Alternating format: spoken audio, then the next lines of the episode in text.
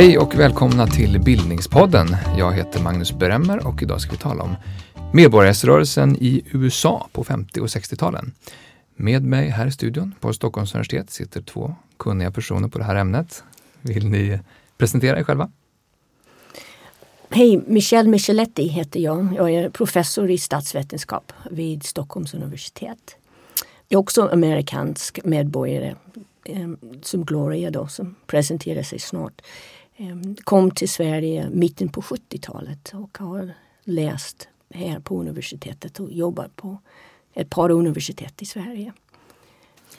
Och jag heter Gloria Ray Karlmark. Jag är en av The Little Rock Nine. Eh, en grupp nya barn som avsegregerade skolor i Amerika i 1957. Jag har eh, studerat kemi och matematik hos uh, Illinois Institute of Technology i Chicago. Uh, jag anser att jag har också uh, kämpat mot genderdiskriminering. Jag kom till Sverige 1969. Jag är gift med en svensk och är uh, en uh, svensk patentingenjör. Varmt välkomna till Bildningspodden. Tack så mycket. Tack. Uh, Michelle, ska vi börja med att förklara vad en medborgarrättsrörelse är för någonting generellt? Det finns medborgarrättsrörelser bakåt i tiden och um, idag också i olika länder. Och det är en uppsättning olika grupperingar, aktörer som kan hända att de är sammankopplade med varandra, kan hända att de är väldigt löst sammankopplade med varandra. Vissa kan vara eh, etablerade organisationer, andra lite mer lösa eh, nätverk, kan vara Facebookgrupper också idag. Mm. Men de strävar efter att en grupp som känner sig diskriminerad inte längre ska bli diskriminerad. Och det kan vara av en stat, det kan vara av um, ekonomiska aktörer. De det kan punkt slut inte längre diskriminera på grund av om det är hudfärg, religiös tillhörighet, etisk tillhörighet etnisk tillhörighet. Men det är det som en medborgarrättsrörelse strävar efter. Den, strä, den strävar efter att de mänskliga rättigheterna ska gälla för just denna grupp och i princip för alla i samhället, alla i världen. Mm. En av de mest kända medborgarrättsrörelserna är väl ändå den i USA som var aktiv framförallt under 50 och 60-talen. Kan du säga något kort om, om den rörelsen? Mm. Den är, eh, egentligen så kunde man gå lite längre tillbaka i tid. Men den rörelsen ville att eh, den svarta befolkningen i USA skulle behandlas lika. Och eh, för att bli behandlad lika hade de vissa mål. Till exempel en rösträttsreformen. Så att alla skulle kunna eh, få eh, gå och rösta. Och um, att man skulle kunna ha ett samhälle som inte byggde på segregerade principer.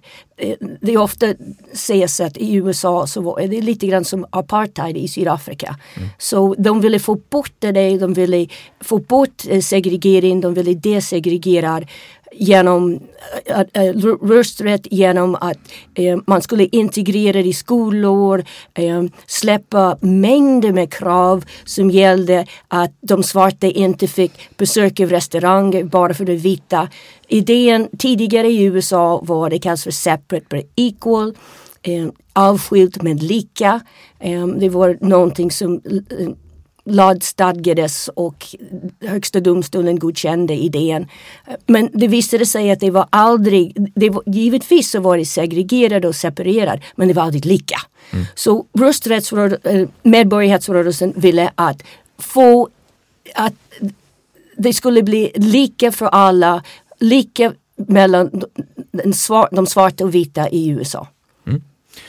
Vi ska gå in mer också på hur uh, rörelsen arbetar och sådär. Men Gloria, du nämnde Little Rock Nine. Och som, det, ja. det är en händelse som brukar nämnas som en, en tidig viktig händelse i den här medborgarrättsrörelsen. Men vill du säga någonting mer om vad, vad det var för någonting? Ja, um, berättelsen är sådan. 1957, uh, sorry, 1954 bestämde högsta domstolen att separate but equal alltså skilda segregerade skolor var mot grundlagen i Amerika. För skolorna var inte lika, de hade inte lika resurser. Uh, de svarta skolorna ofta fick gamla böcker som slängdes från de vita skolorna. De hade inte pengar för redskap för, för studier, för forskning för, och att hjälpa de svarta barnen med sina studier. Och de vita skolor hade allt. Och Little Rock var en väldigt uh, god exempel på det. Man hade en skola, en high school där, som alltså årskurs 10, 11, 12. Uh, den, den var ju ett av Amerikas bästa uh, high schools i, i hela landet. Mm. Den hade uh, väldigt uh, bra laboratorier och man kunde studera allt där. Från högt till lågt. Man, man hade verkstäder för mekanik, för automekanik och verkstäder för vetenskap, för fysik och mm. kemi. Väldigt, väldigt rustat. Men, Men en svarta high school hade mm. inte det. Mm. Så 1954 sa Högsta domstolen, ni måste sluta med det där. Ni, uh, de, de flesta skolor i Amerika var ju avsegregerade men i södern, det vill säga söder om the Mason-Dixon line, det vill säga de delstater där slaveri tilläts förr i tiden. De hade behållit den här skild, uh, uh, segregering. De, högsta domstolen gav dem tre år att komma med en plan för avsegregering av skolorna. Och Högsta domstolen var väldigt specifik. De valde delstaten Arkansas för att den var mer progressiv än delstater som Mississippi och Alabama. Så ni ska börja i Arkansas och Little Rock Central High School för den var en så bra skola. Den var känd i Amerika redan för sin skönhet och kunskap. Den Hade massa Rhodes Scholars och sånt. Så datum var ju bestämt av Högsta domstolen i princip. Så vi som bodde i Little Rock visste september 1957 då får svarta gå till den vita high school. Mm. April 1957 kom en, ett, uh, någon till klassrummet och berättade att i september ska Central High School vara tillgänglig för den som vill gå dit. Uh, vill ni gå dit, skriv er namn på detta papper. Och det pappret skickades runt i klassrummet för alla vi som satt i årskurs 9. För till hösten då skulle vi börja årskurs 10, mm. high school. Jag skrev på lappen. Andra skrev på lappen. Och i augusti, eftersom man visste proceduren när man byter skolor, man måste alltid registrera sig på den nya skolan. Så då gick uh, jag och en till uh, som hade skrivit på det där pappret. Uh, som jag hade sett skriva på pappret. Så vi, vi visste att vi skulle bägge två gå dit till höst. Och vi gick upp dit och gick in i skolan och skrev på, skrev in oss där utan problem och gick ut. Och uh, detta resulterade i att i kvällstidningen där stod det det finns svarta som tänker gå till Central High School. Mm. Och då började problemen. Sådana problem att när det blev dags för första skoldag till hösten då hade guvernör Forbes, guvernör för Arkansas, skickade sina soldater för att omringa skolan för att förhindra att en svart fick gå in på Central High School. Han ville inte tillåta avsegregering mm. i hans delstat. Från denna dag uh, blev vi känd som de nio elever som var med denna dag blev känd som The Little Rock Nine.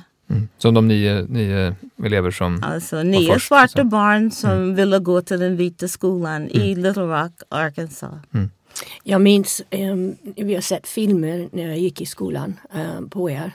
Eh, Tv-inspelningar. Hur ni var där. Små barn egentligen. Vi var 14, och hat mm. runt omkring er. Mm. Och sen så var det, eh, eftersom det var den federala regeringen i USA ville gärna att eh, det var på den nivån att man bestämde att man måste avsegregera. Högsta domstolen en federal eh, domstol. Och då eh, kom de här federala trupperna in. Därför att de kastade stenar på er. Va? De Men du får veta, det, det kommer några federala trupper för en, för en uh, tre veckor senare. Och inte förrän min far skrev ett brev till president Dwight D. Eisenhower och Eisenhower svarade mm. brevet. Och samtidigt som han skickade marschaller till min fars hem med ett brev som sa att han som president skulle försäkra att hans barn fick gå till skolan i fred. Då kom det också ut på tv en, uh, en uh, annons från honom att han skulle skicka eh, uh, var det tusen soldater till Little Rock för att försäkra att vi skulle kunna gå i denna skola ensam. Mm. Det hände inte med, med, uh, med samma. Guvernören höll skolan fången kan man säga i hela tre veckor. Eisenhower skickade efter honom upp till, till Washington, till hans Camp David för att prata med honom och försöka övertyga honom att det var inte den rätta att göra. Att en delstat kan inte, kan, kan inte ändra grundlagen. Att de måste Trots följa. en, en federal domstol. Ja. Mm. Och Eisenhower trodde att uh, Faubus uh, hade, han hade en överenskommelse att när Faubus åkte tillbaka han skulle ta bort sina trupper. Men det gjorde han inte. Så då tog Eisenhower befäl över Faubus trupper som commander in chief. Mm. Är han högsta kommandör för alla soldater i Amerika. Så han tog den Arkansas uh, armé under sitt befäl. Mm. Då fick vi gå till skolan äntligen för trupperna var inte kvar där. Och vi kom in i skolan. Han var där kanske två timmar. Det var då det bildades en enorm uh, folkmassa runt om skolan. Och det var inte bara folk från Arkansas, det var folk från Mississippi och Alabama mm. också. De, de samlade, de ville stoppa av segregering i Little Rock. Och det är de bilder som kom ut över resten av mm. Amerika. När de sparkade till exempel en, en svart journalist mm och slog honom i huvudet med ett, med ett uh, tegelsten mm. och sparkade. Och han sa, jag kämpade för mitt, mitt land i andra världskriget, jag tänker inte springa från er. Och de mm. slog honom upp med den här tegelstenen mm. i alla fall. Du nämnde att, uh, att uh, lagändringen om avsegregeringsskolan, det, det var 1954. Det var 54. Men var det, Brown var versus Board of Education. Yeah. Ja, och var det, men var det, vanligt med, eh, var det vanligt med avsegregerade skolor före den här lagändringen eller hur såg det ut det nationellt? Precis som jag sa, under the Mason-Dixon line. Mm. Uh, och, uh, if, man kan ju säga att i uh, medborgarkriget, mm. de länder som var confederate, mm. det, det utgick, där gick den här Mason-Dixon line. Från inbördeskriget menar du? Om du tittar på Amerikas karta, de mm. som var ovanpå den, de, mm. där, där hade de uh, anpassat mm. utbildning. Det varierade beroende på hur stor uh, skolan var och om stan var. Mm. Liksom. Det... Så många av de här eh, konflikterna i det tidiga skedet av den här medborgarrörelsen är, är i de här områdena, så den södra delen av USA? Så kan, så kan man säga och det var ganska många, den svarta befolkningen var mer i söder än, än i norr. Mm. Nu ska vi inte eh, var, ge en alldeles för positiv ah. bild av de, no, eh, delstaten i norra mm. över den Mason-Dixie line för att det fanns diskriminering där och segregering men det var inte så påtagligt som det var mm. i söder. Det är de här delstaterna som hade slaver mm. som hade svårt att komma över att de förlorade inbördeskriget. Den här eh, filmen, även om den kanske inte är historiskt korrekt, Borta med vinden, beskriver lite grann problemet där. Mm. Det var Tänk ett krig um, i Irak. Eller, det, allting var sönderslaget i södern. Det fanns jordbruk, byggde väldigt mycket på jordbruk. Det var väldigt många um, bondgård eller plantage som förstördes. Det fanns inget riktigt ekonomiskt system, det fanns inget politiskt system.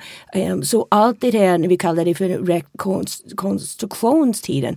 Var ja, får, kan du förklara vad det var? Ja, det var strax efter det här kriget och, och Confederacy, de sydstaterna, de förlorade kriget och kriget handlade för det mesta om slaveri.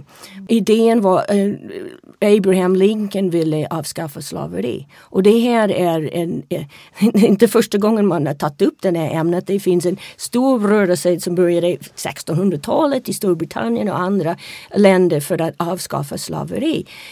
Det, det var en, Sla slaver betraktades som viktigt eh, för att få ekonomin att gå runt i södern.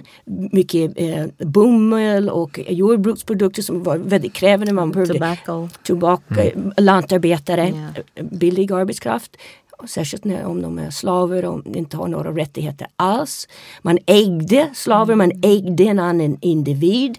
Ehm, och, ehm, och det byggde också på att man uppfattade ehm, de svarta som sämre än vita. Man, man pratar ofta om um, andra klassens medborgare och i, i det här fallet så jag tror att man skulle trappa upp och säga tredje, det fjärde klassens medborgare. Mm. Um, hur man kunde behandla de här människorna. Vad menar man med rekonstruktion då, bara för att vara väldigt konkret? Okej, okay, förlåt, men det är den här, man skulle återskapa ett samhälle i södern. Eh, både ekonomiskt system, politiskt system. Eh, och det fick göras om precis som i Irak när man, mm. man, man gick in och Saddam Hussein eh, eh, eh, dödades och försvann. Man ville skapa ett system som var byggt kring andra principer. Mm. De som kanske uppfattades mer som demokratiska värderingar man skulle bygga upp i samhället. Så. Och det funkar inte riktigt rakt ut. Eh, man befriade slavar och då var det frågan om hur och de skulle få rösträtt um, efter inbördeskriget. Men hur skulle man räkna dem? Därför mm. att de räknades inte som en hel individ. Mm. Och det skulle betyda att det var, då blev det en svårighet för de norra delstaterna också. Så det är väldigt, väldigt många spänningar mm. i den här rekonstruktionstiden. När man skulle bygga upp ett samhälle, ett ekonomiskt system, um, jordbrukssystem, politiskt system. Mm. Jag vill bara lägga en sak till när det gäller att de skulle få rösträtt. Det, det var inte alls utan fara tyckte en del. För de, särskilt i slavstaterna, mm. där var det många fler svarta än vita. Och om man gav dem lika rösträtt, då hade den vita delen av befolkningen inte så mycket att säga.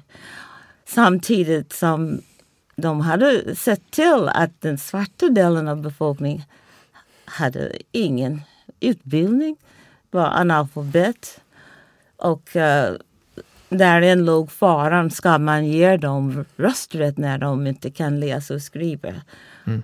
Och där, därifrån om, kom mm. sätt att förhindra den majoriteten av folk som var svarta mm. i Mississippi till exempel. Mm. Att hindra att de någonsin fick rösträtt. Det, det, var liksom, det var skräckscenario. Mm. Oh, vi får aldrig se till att, att de får rösta. Mm. Då får vi hitta på sätt att diskvalificera dem från att rösträtt. Mm. Visa att de är okunniga. Kräva en viss kunskapsnivå mm. för dem att kunna rösta. Tyvärr, alla som är vita får bara, bara de kan sätta en kryss på pappret för rösta. Och när, när i tiden är vi ungefär här? Då har man kommit till den här reconstruction-tiden när de försöker mm. ger rösträtt mm. och slavar har blivit... Så det är direkt efter ja. inbördeskriget kan man de, säga? Man, ja, ja. Mm. man brukar ja, ja. prata om två, två rekonstruktion, rekonstruktionstider, mm. en, en, den första och den andra. Och den första är strax efter eh, inbördeskriget och fram till ja, 1877 ungefär. Mm. Och här ska man också tänka att man det fanns människor i södern som överlevde både svarta och vita väldigt mycket. För, det, ramarna fanns inte längre. Inte för de svarta heller. Plötsligt så var de fria. vad ska de göra då? Och de vita som var van vid någon typ av vitmaktsordning mm. som de inte hade längre och de kanske förlorade massvis med, med pengar och väldigt mycket annat. Förlorade makt också. Och det kom in från de norra staterna um, idéer om hur man skulle rekonstruera, hur man skulle återställa samhället. Och det tyckte de flesta inte om. Säkert gjorde det på ett inte särskilt bra pedagogiskt mm. sätt och försöker genom samtal med, med, med um, de vita i södern och också de svarta i södern givetvis. Um, så de kände sig överkörda mm. av, av de vita. Och då ser vi grupper som Ku Klux Klan som är en vit max mm. eller en apartheidrörelse kommer fram. Vi ser också de här Jim Crow laws som det kallas. Vad var det för lagar? Jim Crow först är det, man kan varför hette de det? Mm. Men det var en liten eh, figur i en låt och det var ett sätt, ett, ett sätt att karaktärisera de svarta. Sen så kom de här lagarna till och det var en del av den här eh, separate but equal. Och det, var, det, var, det var rassegregerande lagar? Rassegregerande lagar och det, jag minns från min barndom, i historieböckerna vi pratade om den här tiden, så, skulle de, så fanns det i de här läroböckerna exempel på vad man menade med uh, separate but equal.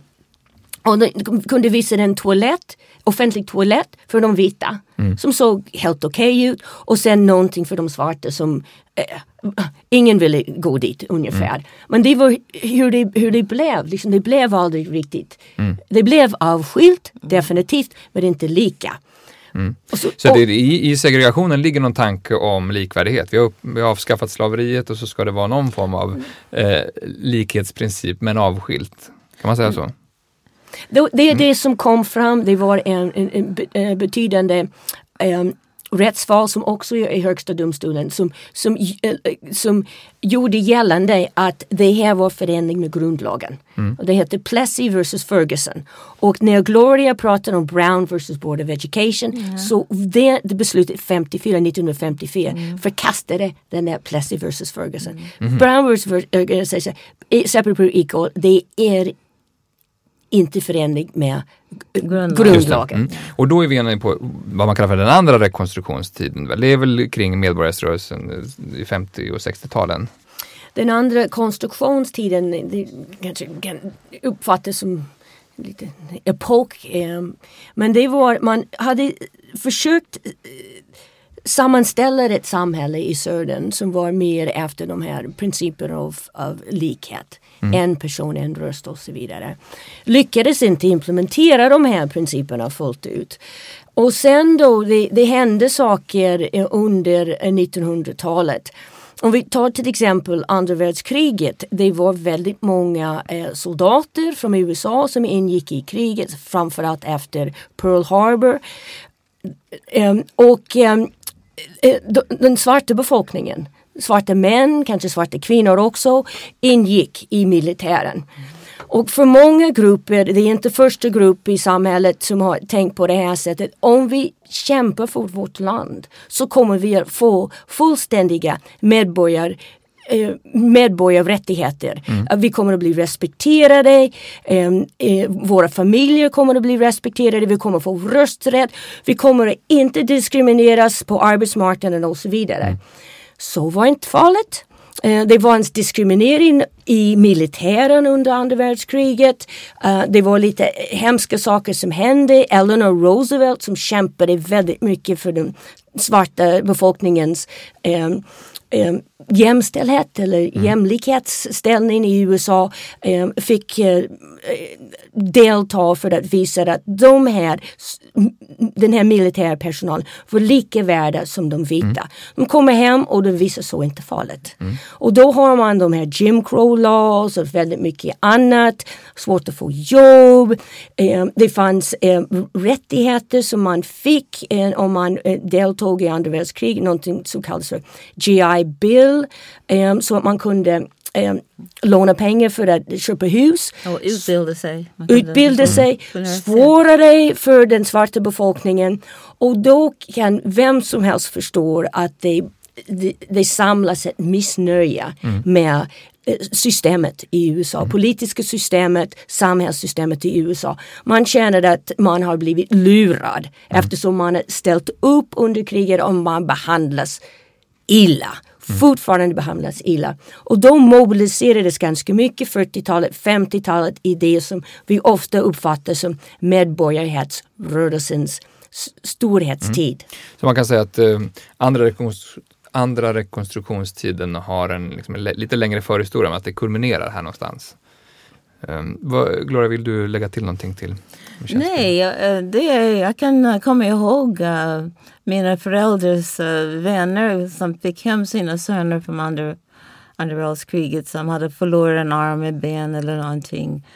Och det var, det var bitterhet att de mm. kämpade för européernas frihet och bara för att komma hem och upptäcka att de fick fortfarande inte gå in i restaurangen genom framdörren, fick gå runt genom uh, bakgången. De fick fortfarande uh, dricka vatten från en colored vattenfontän. Mm det var fortfarande skilda väntsal för tåg och mm. att de hade fortfarande inte skydd under lagen. Mm.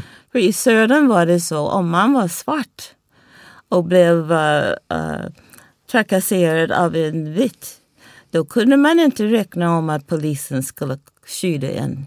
Mm. Så man, man hade inte säkerhet eller mm. samma trygghet under lagen mm. som den nästa.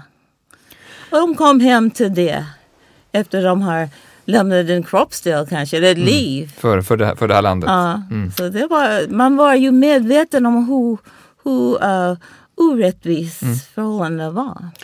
Men eh, man, eh, det dateras ju ibland medborgarrättsrörelsen på 50 16 från 55 eller kring mitten av 50-talet. Vad ja, var Rosa det... Parks blev trött på Ja just det, vem var, vem var, vem var Rosa men Parks? Också, men också Emmett Till, den här 14-åriga pojken Mm, han gick vi... ner för att hälsa på sin, sin släktingar i Mississippi. Han var från Chicago, en stadsunge. Och ner till Mississippi och visslade eller gjorde något mot en vit kvinna som de vita männen i stan inte tyckte om. Mm. Så då, då torterade honom, de mördade honom. Och uh, på ett mest förskräckligt sätt. Så mamman i Chicago fick tillbaka sin sons lik och på begravningen, hon vägrade att stänga kistan. Hon, vill, hon ville att hela världen skulle mm. se vad de hade gjort till hennes pojkar i Mississippi. Mm. Så det, det, var ju i alla tidningar, inte bara de svarta tidningarna. Amerika hade man på den tiden svarta tidningar som handlade om nyheter och vad som hände i den mm. svarta, mm. svarta befolkningen.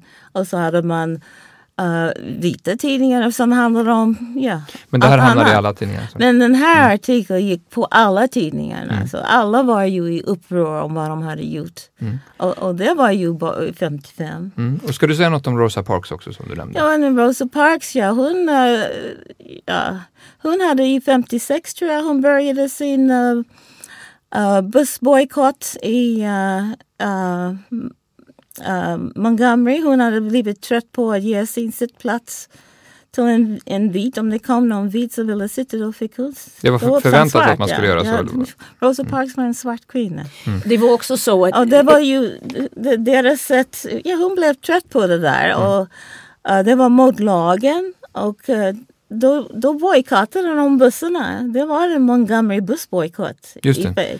Det här hänger ihop. Så det, hade hennes... just Det började 56, den hade just slutat jag tror det var i december 56 som det slutade lyckligt. De gav upp, de, de ändrade den här regeln. Just det, men om vi tar alla delar i det här. Uh, Rosa Parks fattade ett enskilt beslut om att inte lämna platsen till en, en vit man här. Inte, ja, inte riktigt så. Inte så. Det är inte riktigt så för Rosa Parks. Nej, Hon, nej, nej. du kan berätta det. Det, det fanns eh, bojkotter, svarta bojkotter mot kollektivtrafik. Vi går tillbaka i tiden. Mm. Eh, ingenting nytt egentligen. Men det här är någonting som, det kan ändå det hänger ihop med medielandskap, tv började komma. Mm. Man kunde se mycket mer, de, de nordliga staterna och västliga stater kunde se mycket mer vad som hände mm. i södern. Ett ord som vi inte ska glömma i det här programmet är lynchningar. Mm. och yeah. när du pratar om den lilla pojken. Mm. Um, ja, ja, ja, eh, och det var ofta eh, under den här tiden svarta människor, framförallt svarta män som lynchades. Det kan hända att det hänger ihop med att de tittade på en vit kvinna. Och det Ökade det under den här tiden? Eh, lynchningar var, var tämligen det var vanliga. Jim Crow. Jim Crow. En del av Jim Crow. Mm. Och Klux Klux Klan kunde vara involverad. Polisen kan också ha varit involverad. Kanske inte med eh, uniformen på. Man hade inte trygghet Man hade ing, inte någon trygghet alls. Nej. Om man fick titta ner. Eh, och eh, man fick, om man var svart så fick man säga herr eller fru till en vit person. Mm. Man skulle inte kunna säga um, Hej Magnus om man var svart. Mm. Um, man fick säga uh, herr Bremner. Um, men du skulle kunna till en svart person använda förnamnet. Mm. Så Eller det var den hierarkiska kalla ordningen. en gammal man för pojke. Mm. Boy. Ja. och, och det en ordet användes flyttigt också. Ja, det var ingenting fel att använda det. Eh, utan respekt. Utan respekt. Så det är ändå, det, det är ändå ett, uh, ett väldigt tydligt och svårt ställningstagande som yeah. Rosa Parks gör. Men Rosa Parks, det var återigen det var um, separate but equal. De mm. svarta skulle gå bakåt i bussen och sitta där. Mm. Det var återigen dessa platser som var markerade. Ja, och om det inte fanns platser så fick man stå. Mm. Och Rosa Parks var lite trött på det här men Rosa Parks det var en individ, en mm. stark kvinna mm. men hon var också tränad i icke-vågstaktik. Taktik. Mm. För det, um, det, ja, man kände till Gandhi ser du. Det var det mm. som man visste då. Yeah. Mm. Innan Martin Luther King då hade man, man hade faktiskt Gandhi. Jo, att, uh, jo. Och, och, hon kunde det här så mm. hon var tränare i den här äh, taktiken, mm. att, icke-våld. Yeah. Och använde sin integritet mm. eh, som en måltavla för eh, vit aggression mot de svarta. Och, så hon var tränad på det här sättet. De sa nej, du måste lämna bussen. Och då mobiliserades den här bojkotten. Och det, mm. ingen trodde att den skulle fungera så bra som det gjorde. Det var, de här svarta de fick ta bussen långt för att arbeta i de här vita hushållen för det mesta mm. kvinnor. Um, och de fick gå. Mm. Eller vad som också hände, det visade sig intressant kvinnlig solidaritet i vissa fall. Mm. Så att de vita kvinnorna körde sina svarta hembiträden mm. till och från jobbet. Så det blev en, en väldigt framgång. Och det var lite... Men vad är det, du nämnde att det var, fanns flera bussbojkotter tidigare. Vad gjorde den här? Den har blivit väldigt symbolisk och viktig. Vad, well, var det, det ena var att hon var ju väldigt, när hon inte gav sin plats då kunde hon bli arresterad. Mm. Och hon blev arresterad. Så det fick en ansikte en ansikte för denna form av diskriminering. Mm. Det kom ur allmänheten, en bredare allmänheten mm. fick se vad Och du var inne på att den var, den var särskilt effektiv den här bojkotten? Jo, effektiv um, eftersom um, de fick ändra um, de, regeln, de, lagen om mm. segregerade bussar. Mm. Och en annan sak som är intressant med den här Montgomery bojkott är att den stora eh, rörelsen för eh, de svartas rättigheter. I, Nej, rätt... Jag skulle säga det, det är för, uh, för, med, för medborgerliga rättigheter. För det var inte begränsat till svarta eller afroamerikaner det var ju alla av färger blev mm. behandlade så det spelar ingen roll hur man fick sin färg. Nu pratar vi om NAACP. NAACP ja. som um, bildades 1909.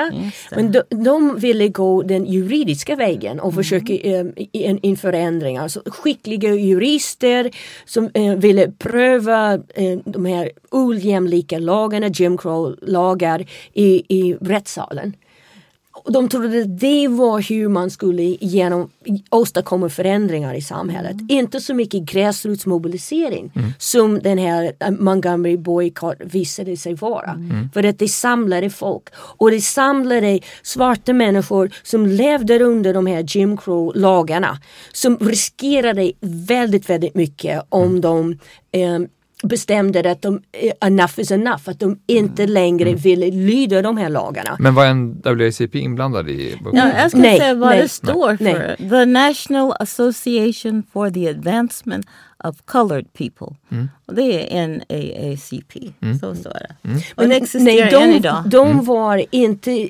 direkt inblandade i det här utan den person som började leda den här eh, Montgomery Booth-bojkotten var Martin Luther King. Mm. Han var ung, han hade andra idéer på hur man skulle föra fram kampen för jämlikhet i mm. amerikanska samhället. Så han var där under 50-talet. Det fanns väldigt många svarta kyrkor som också var viktiga. De var lite grann som fristad för de svarta. Så de kunde äh, ha möten kring hur de skulle mobilisera sig i de här kyrkorna. Annars var det väldigt svårt för dem att samla sig någonstans. Tänk de här Jim Crow, vita, mm. eh, vitmaktsordningsmänniskorna som inte ville se flera svarta människor tillsammans. Det är hot för dem. Va? Så kyrkorna användes. Martin Luther King var en, en, en, en, en kyrklig man och han började hjälpa till att mobilisera det här. Så mm. jag tror vi skulle kunna lätt säga att hans karriär började med den här Montgomery eh, bussbojkotten. Ja. Och han är ju en, en av de mest det, centrala det, figurerna inom rörelsen, nästan ansiktet för medborgarrörelsen på 50-60-talet. Ja, men det, det, är alldeles sant. För, och det, var det, det var precis det som hade just avslutat innan avsegregering av skolor i Little Rock började. Mm. Så det var ju det var denna successberättelse som, mm. som vi hade som var väldigt positivt. Det gav oss hopp. Det var en förändring som hade skett där. Samma år, 1957, kommer en Civil Rights Act. Det kom ju flera sådana här. kan du säga något, Civil Rights Act som fenomen, vad, vad, vad gick de ut på? De gick ut på att försöka eh, ta bort alla hinder i väg för den svarta befolkningen att eh, kunna rösta. Mm. Och det kunde finnas olika slags hinder um, som också in, ingår i de här Jim Crow laws. Det kunde vara um, att man behövde betala en viss slags skatt, uh, poll tax. Mm. Um, och det, alla hade inte råd att betala. Mm. Det fanns uh, röstningsprov um, som man fick uh, klara. Eh, man skulle nämna ett antal olika politiska eh, eh, personer, kanske presidenter och om man missade bara lite grann på någonting så kunde man bli underkänd. Det var eh, sådana krav ställdes inte på vita mm. människor. De fick rösta. Så det, det, var problematiskt på många sätt. Eh, det kunde hända att man hotade människor som ville gå och rösta. Under 60-talet, nu hoppar vi lite, mm. men det fanns den här, kommer du ihåg Gloria, uh, Freedom Riders? Oh, absolut. Ja. Yeah. Och det här är, eh, det kunde vara svarta befolkningen i södern, svarta befolkningen i norr som åkte ner till södern. Ja. Det kunde vara vita um, människor som, som verkligen kände att det, det här är inte rätt i, mm. i, i vår demokrati. Det var massvis med studenter från alla kanter ja. som, som åkte ner för att hjälpa Mrs, uh, svarta mm. uh, uh, att kunna anmäla sig för att rösta i mm. Alabama, Mississippi, mm. Uh, Georgia, Det fanns Florida. flera, flera uh, statsvetare mm. som deltog i det här mm. eftersom vi förstår vad rösträtt betyder. Och det är kan, någonting som man inte ska glömma. Kan man säga att det är utmärkande för den här senare medborgarrättsrörelsen att det blir mer av en gräsrotsrörelse, mer aktivistisk. Än, än tidigare som har varit juridiskt orienterad? Mer juridiskt. Och det hänger också ihop med att den svarta befolkningen började våga mer. Mm. Um, tidigare om man vågade, man visste inte om man skulle överleva till nästa dag. Och det, lynchningar, familjen kunde trakasseras. Det var något slags terrorstämning i de här uh, delstaterna. Men lite senare man började våga, man började visa upp sig. Uh, man började säga att vi också har integritet, vi har rättigheter. Mm. Och det, det hotade den vita befolkningen, inte bara i södern. Det hotar i hela landet. Vad säger och, du om det, Elgore? Nej men det stämmer. Mm. det stämmer. Jag vill bara inte begränsa det till, till den svarta befolkningen. Jag vill också erkänna att särskilt när det gäller studenter från norr och från väst, från väst från universiteter. Utbildade människor, de ville inte ha den sortens Amerika. Och ville inte se att en del av Amerika ska egentligen vara an, har andra regler än grundlagen. Mm. Så de, stod, de såg faran i det för sig själv. Mm. Det kanske är svarta just då som blir trakasserade så men nästa moment då blir det kanske något annat. Mm. Katoliker eller vem vet. Så att för, mäns, för, för, för de mänskliga rättigheterna ska man hade folk av alla sorter som deltog, som kom med, som var eh, villiga att riskera sina liv mm. för de grundläggande mänskliga rättigheterna. Mm. Medborgarrättsrörelsens mest kända manifestation var, den kallades March on Washington mm. for Jobs and Freedom. Det var, den ägde rum 28 augusti 1963 och Martin Luther King höll sitt väldigt berömda tal. Mm. Vi kan lyssna lite på det förresten. So even though we face the difficulties of today and tomorrow, I still have a dream. It is a dream deeply rooted in the American dream. I have a dream mm-hmm. that one day this nation will rise up and live out the true meaning of its creed. We hold these truths to be self evident that all men are created equal.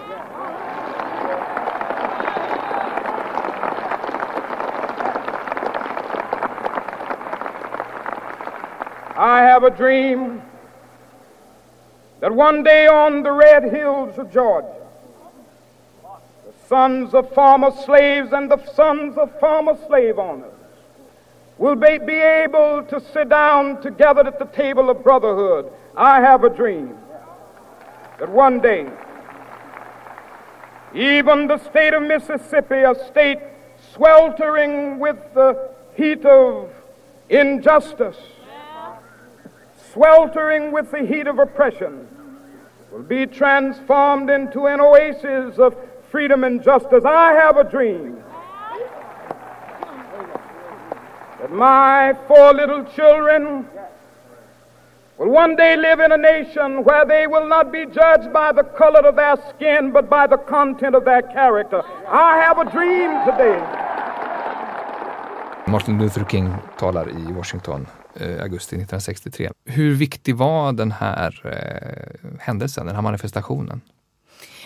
Extremt viktig. En symbol på att de svarta, den svarta befolkningen i USA har bestämt enough is enough. Mm. Och att de vågade eh, använda kollektivhandlande för mm. att visa det.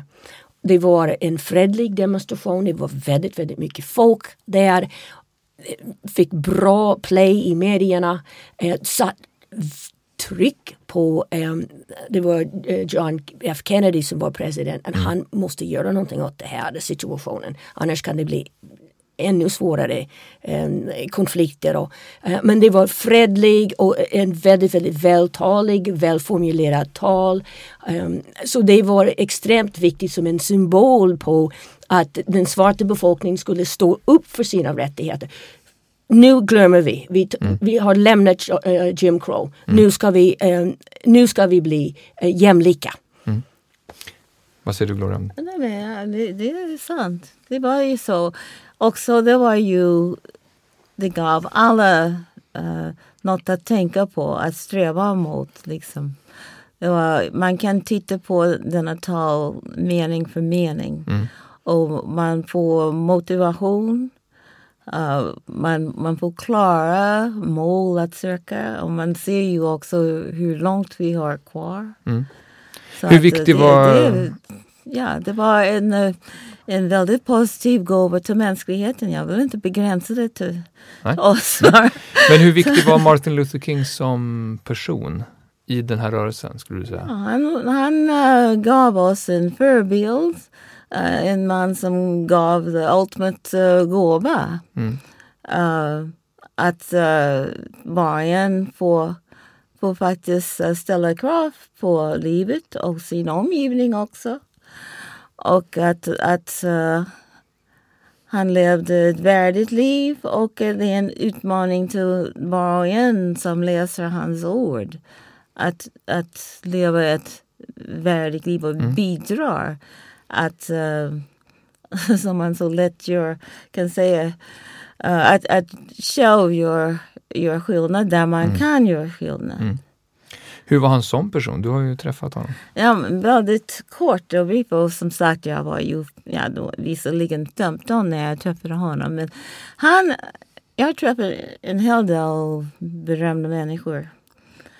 Och han var väl en av dem som man kände när han kom i rummet. Han hade en sorts Mm. utstrålning. Så att, uh, uh, att man lyssnade på det han sa. Mm. Och man kände att man var i närheten av, av någon stor. Mm. faktiskt. Vad, vad säger du Michelle om, om eh, Martin Luther King? Han var eh, vältalig, han var övertygande. Han kunde övertyga väldigt många i USA. Både på, i, i södern, i norr. Eh, Martin Luther King fick eh, till och med Nobelpriset 1964. Och det, det handlar om Fredspriset. ja. fredspriset, förlåt, No- Nobels fredspris 1964. Hans sätt att arbeta med de här frågorna var utifrån icke-våldsmetoden. Och det är det som han, m- han mobiliserar väldigt, väldigt många människor för att, och de inte använder våld i den här kampen. Så har det inte alltid varit och sen några år senare under 60-talet så blev det våldsamt igen på olika sätt. Han kunde övertyga, han hade bra argument och som vi har pratat om, han var karismatisk. Han, eh, han visste hur man skulle hålla ett tal för att mobilisera. Och den här ordet mobilisering använder vi väldigt mycket när, när vi studerar sociala rörelser. Därför att man måste få upp en stämning. Man måste få människor att, att bestämma att de vill ansluta sig em, till, till ett projekt. em, em, till en, en målsättning och han kunde det. Och han var också han var jobbig för em, den vita sidan i USA, eh, presidenterna. De visste inte hur de skulle handskas med honom eftersom han hade sån stark em, han var en sån stark kraft i USA. Ehm, och medierna uppmärksammade honom. Så han var ett problem och han ställde krav på John F Kennedy. Han ställde också krav på Lyndon Baines Johnson som var president efter Kennedy mördades. Så visst var han viktig. Han var dels kunde mobilisera som man gör inom sociala rörelser och sen så var han en skicklig förhandlare när han eh, kom till Vita huset. Han ställde krav på vad han behövde och vad medborgarrättsrörelsen behövde för att kom, komma längre med den idén om den, eh, det jämlika amerikanska samhället. Man brukar ju sätta ett slut för den här rörelsen när man ser dateringar på kring, kring, 1968, det är samma år som Martin Luther King eh, mördas. Eh, är, är det andra faktorer som gör att, eh, vad har den här dateringen eh, Det fanns också en eh, ytterligare en rösträttsreform 68 som man hade hoppats skulle åstadkomma förbättringar. Och det, det är mycket det det handlar om. Men hela tiden ser man väl också bakslag för, eh, det är ju bakslagen underdrift man pratar om, mordet på Martin Luther King naturligtvis. Men det är också något som Bloody Sunday, eh, marschen mellan eh, Selma och Montgomery, två städer, som slogs ner brutalt av, av polis. Säg någonting om den händelsen. Uh, men uh, igen där, uh, amerikaner blir chockade när de ser hur, hur lite respekt för människoliv man kan ha Mm. genom att slå mot ja, uh, fredliga människor. Och just där fick man se att det slog mot fredliga människor av alla sorts. Mm. Och just där var också folk som åkte dit från alla kanter av landet för att protestera fredligt. Mm. Och fick inte utöva sin rätt till fredlig demonstration. Mm. Så det är upprörande. Vad fick det för efterverkningar? Dels en sån händelse men också mordet på Martin Luther King eh, i samhället vid den här tiden. Det fanns också andra eh, svarta ledare som mördades. Mm. Mal- Malcolm X till exempel. Malcolm X, eh, Men det var ett Medgar typ av- Evers och det, fin- Ja, ja, det, var, det var en, en ganska våldsam tid i USA. Väldigt Ja, många ledare. Robert Kennedy och Robert Kennedy också. Mm. Också 60-talet, det var, eh, det kallades för rasuppror. Eh, i flera städer. Mm. Frustrerade människor. Eh, eh, det kan hända att det beror på de ekonomiska omständigheterna. De får inte jobb mm. eller får jobb, de får sämre betalt. De, de, får inte samma rättigheter som de, de vita. Vi kan också dra in det här från andra världskriget. De här Tack för att du ställde upp i kriget eh, som gick mer till de vita än till de svarta. Så det var en tid av väldigt mycket frustration i den mm. svarta befolkningen, olika delar av landet. Jag minns som ung The Watts Riot som var i Los mm. Angeles. Um, så det, det, det, var en väldigt, väldigt orolig tid. Ja, upp, upproret stod i kontrast då till antivåldsprincipen. Ja. Är, det, är det intressant här? Ja, det är väldigt intressant här. Um, och de, de här upprop var inte organiserade som March to Washington eller försöket med att, att gå från Selma till Montgomery. Mm. Uh, så det, det, var inte alls organiserat på det, mm. det sättet. Men det kunde till exempel börja på grund av en, um, det var polisvåld mot de svarta. Vi känner igen det från idag, eller hur? Det, det är ingenting uh, som har egentligen slutat, slutat hända i USA. Mm. Ja, det var det jag nämnde med uh, uh, 1968 Democratic Convention i Chicago. Och där var det inte våld mot svarta, det var våld mot alla. Mm. I den, uh, vad de kallade för en police riot som tog plats i Chicago denna mm. tid.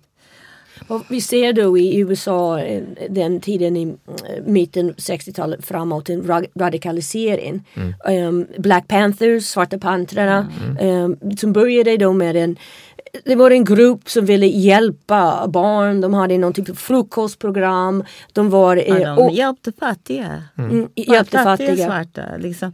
Om man säger att uh, sådana organisationer som just NAACP, de de hjälpte, de var aktiva i medelinkomstgrupper.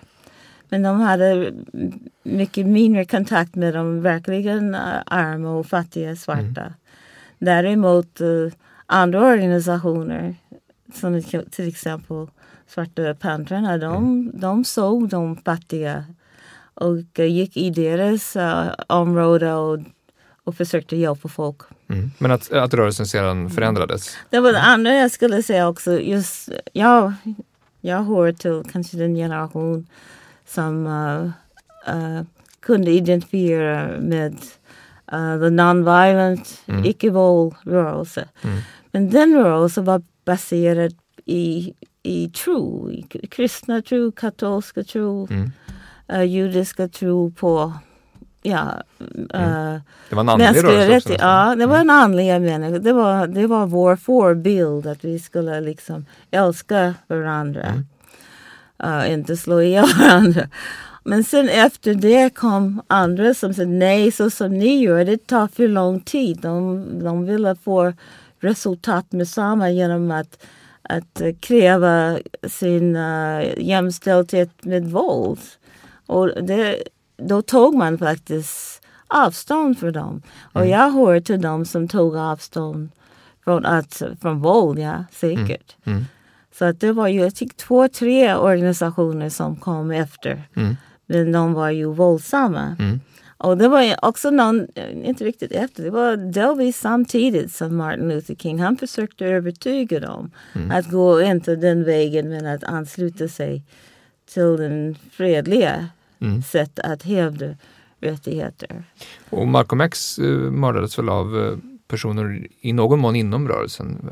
Ja. Nation of Islam mm. Eh, rörelsen. Ja. Det var också en religiös rörelse. Mm. Um, och de verkligen tog avstånd ifrån uh, slavsamhället. De, mm. de ville inte ha de här efternamn som de fick av de vita. Mm. Och det är därför det skulle stå X. Och inte religioner heller. De, mm. de, de, allt som kommer från vita är ond. Mm.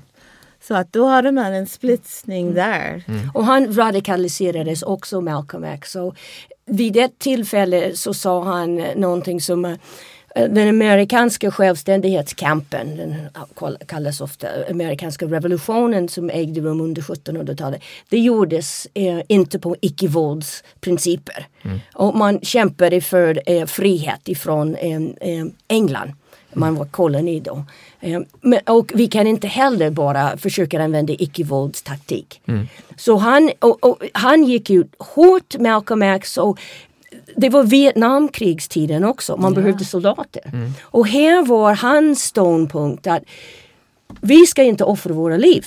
Vi svarta ska inte offra våra liv om vi inte får uh, lika rättigheter. Mm. Och vill ni att vi ska uh, ställa upp i ytterligare krig med våra liv så måste de behandla oss som lika. Och Martin Luther King mot slutet av sitt liv började mm. också fundera på det där. Mm. Um, att um, de problem i det amerikanska samhället det kunde inte bara lösas genom att man lagstiftade en ny lag eller högsta domstolen sa nej, nej, nej, vi kan inte ha separate equal längre. Eh, men man måste göra mer än detta. Han började prata om strukturella problem i USA. Om eh, diskriminering och eh, fattigdom, militarismen och materialismen som grunden till det, till det onda i USA. Så mm. han, ville, han började diskutera en mer radikal förändring av USA än vad han hade gjort tidigare. Mm. Intressant tal som han höll några veckor innan han mördades. Mm.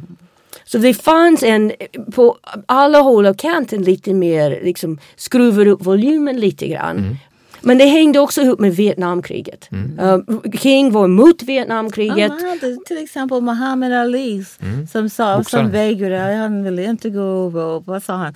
och döda små gula barn. Mm. mm. det var också en kille som bytte namn från Cassius Clay. Ah. Han var boxare, väldigt välkänd, mm. uh, väldigt vältalig mm. också. Uh, men en klar ideologisk grund. Han också bytte till islam. Um, men han ville inte, han, nej varför ska vi strida mot dem? Vad har de gjort oss? Typ, mm. va? Och han satt i fängelse. Mm. Det är många manliga uh, portalfigurer här som nämns. Vilka var de starkaste kvinnliga ledarna inom rörelsen? Ledare. Eller kvinnliga profilerna inom Ja, rörelsen. den starkaste kvinnliga profil det, det var ju Angela Davis. Mm. Men uh, jag vill inte kalla henne för ledare precis. Mm. Rosa Parks om man går tillbaka. Ja, Rosa Parks. Och sen så finns Sen ett kort om Angela Davis. Men, jag nämner också uh, Daisy Bates. Det var vår talesperson i Little Rock. Hon, hon mm. var med. Hon, en, uh, ordförande i Arkansas NAACP. Mm. Och hon var en fantastisk talesperson för, för oss och kampen mot segregering i men ni skulle kalla den jämställd rörelse? Nej, in, nej det fanns en uh, könsmaktsordning inom medborgarrättsrörelsen. Klart och tydligt. Nej. Och det finns vi, väldigt många... Säg något mer om vad, det, vad du menar vad man menar med det. Det är att eh, det var mer männen som fick eh, framträda offentligt och fick eh, väldigt mycket massmedia uppmärksamhet. Det är de som hade för det mesta de ledande positionerna. Kvinnorna var väldigt viktiga. De som mobiliserade eh, lite bakom kulisserna. Um, det, man har försökt nu i historieforskning lyfta fram mm. de kvinnliga hjältarna mm. inom medborgarrättsrörelsen. Men precis som det är lite överallt i världen så är det det här kvinnornas eh, gärningar görs osynligt. Mm. Lite annorlunda med Angela Davis. Hon var professor i filosofi vid UC Berkeley som är ett framstående universitet i, i Kalifornien. Väldigt eh, vältalig också. Mm. Um, hon var eh, delaktig i Svarta Pantern yeah. och hon också hamnade i fängelse och förlorade sitt jobb. Mm. Nu, jag tror hon är 73, jag 75. Hon är fortfarande aktiv. Ja, hon var nyligen i Sverige. Mm. Hon, um, hon har varit i Sverige mm. ja, eh, några gånger. Hon jobbar för fångarnas rättigheter nu. Ja, mm. vad, vad, ser vi för spår av medborgarrörelsen idag, skulle ni säga? Black Lives Matters är mm. ett stort nätverk. Det, den jobbar lite annorlunda än NAACP som en etablerad organisation. Men de, som har rötterna i medborgarrörelsen? Mm. Ja, eller avstamp i, mm. i det här. En rörelse kan ha väldigt, väldigt många olika organisationer. Vi ofta talar om, om en uh, socialrörelsefält där eh, de olika grupperingar eller organisationer kan förhålla sig till varandra på ett väldigt, väldigt systematiskt, strikt sätt eller lösare sätt. Men de, den här uh, Black, Black Lives Matters har kommit uh, till på grund av att det var, fortfarande finns polisvåld mot, mm. mot svarta. Hur jämlikt eller rasistiskt skulle ni säga att USA är idag? Man använder lite annorlunda uttryck. Man talar om, om um, institutionaliserad rasism och eh, det kan hända att eh, vad det betyder då att det finns grundläggande struktur, strukturer som leder till att människor sorteras på ett visst sätt. Kanske var de bor, vad de får för eh, Eh, sjukvård, vad de får för jobb och så vidare. Eh, det finns böcker som har kommit ut, till exempel en den heter eh, Two Nations Black and White Separate Hostile Unequal.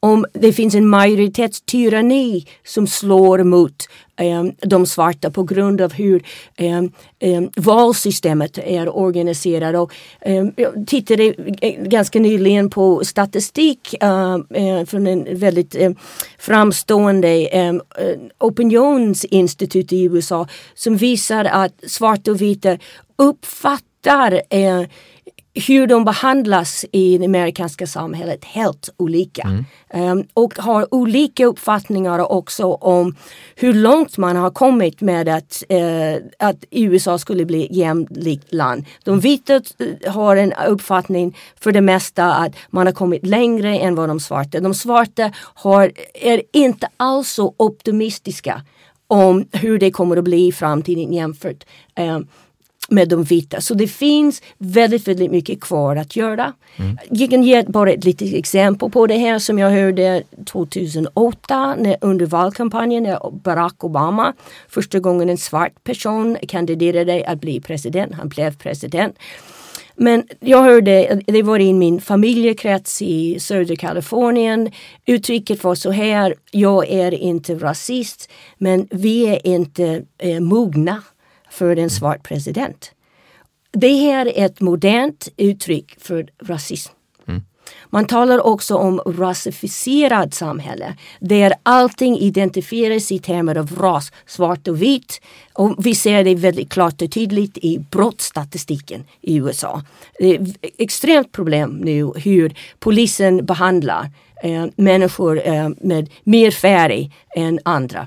Men så strukturerna är i hög grad kvar, men vad skulle ni säga att medborgarrättsrörelsen eh, gjorde för skillnad? Vad var den viktigaste insatsen från medborgarrättsrörelsen? Den viktigaste att få tillgång till jobb. Mm. Förr kunde man inte ens söka ett jobb. Om man var en entreprenör kunde man inte ens lämna in en offert. Det var uteslutet att eh, liksom, och, uh, jobben gick till vita. Och, som i en intervju någon sa att uh, han hade lärt sig från sin mamma att, uh, att som vit var han bättre än de svarta. Att de had, som vita hade man sin plats och att de svarta hade sin plats och det var ju lägre. Liksom. Mm. Mm. Och den tiden är förbi. Mm.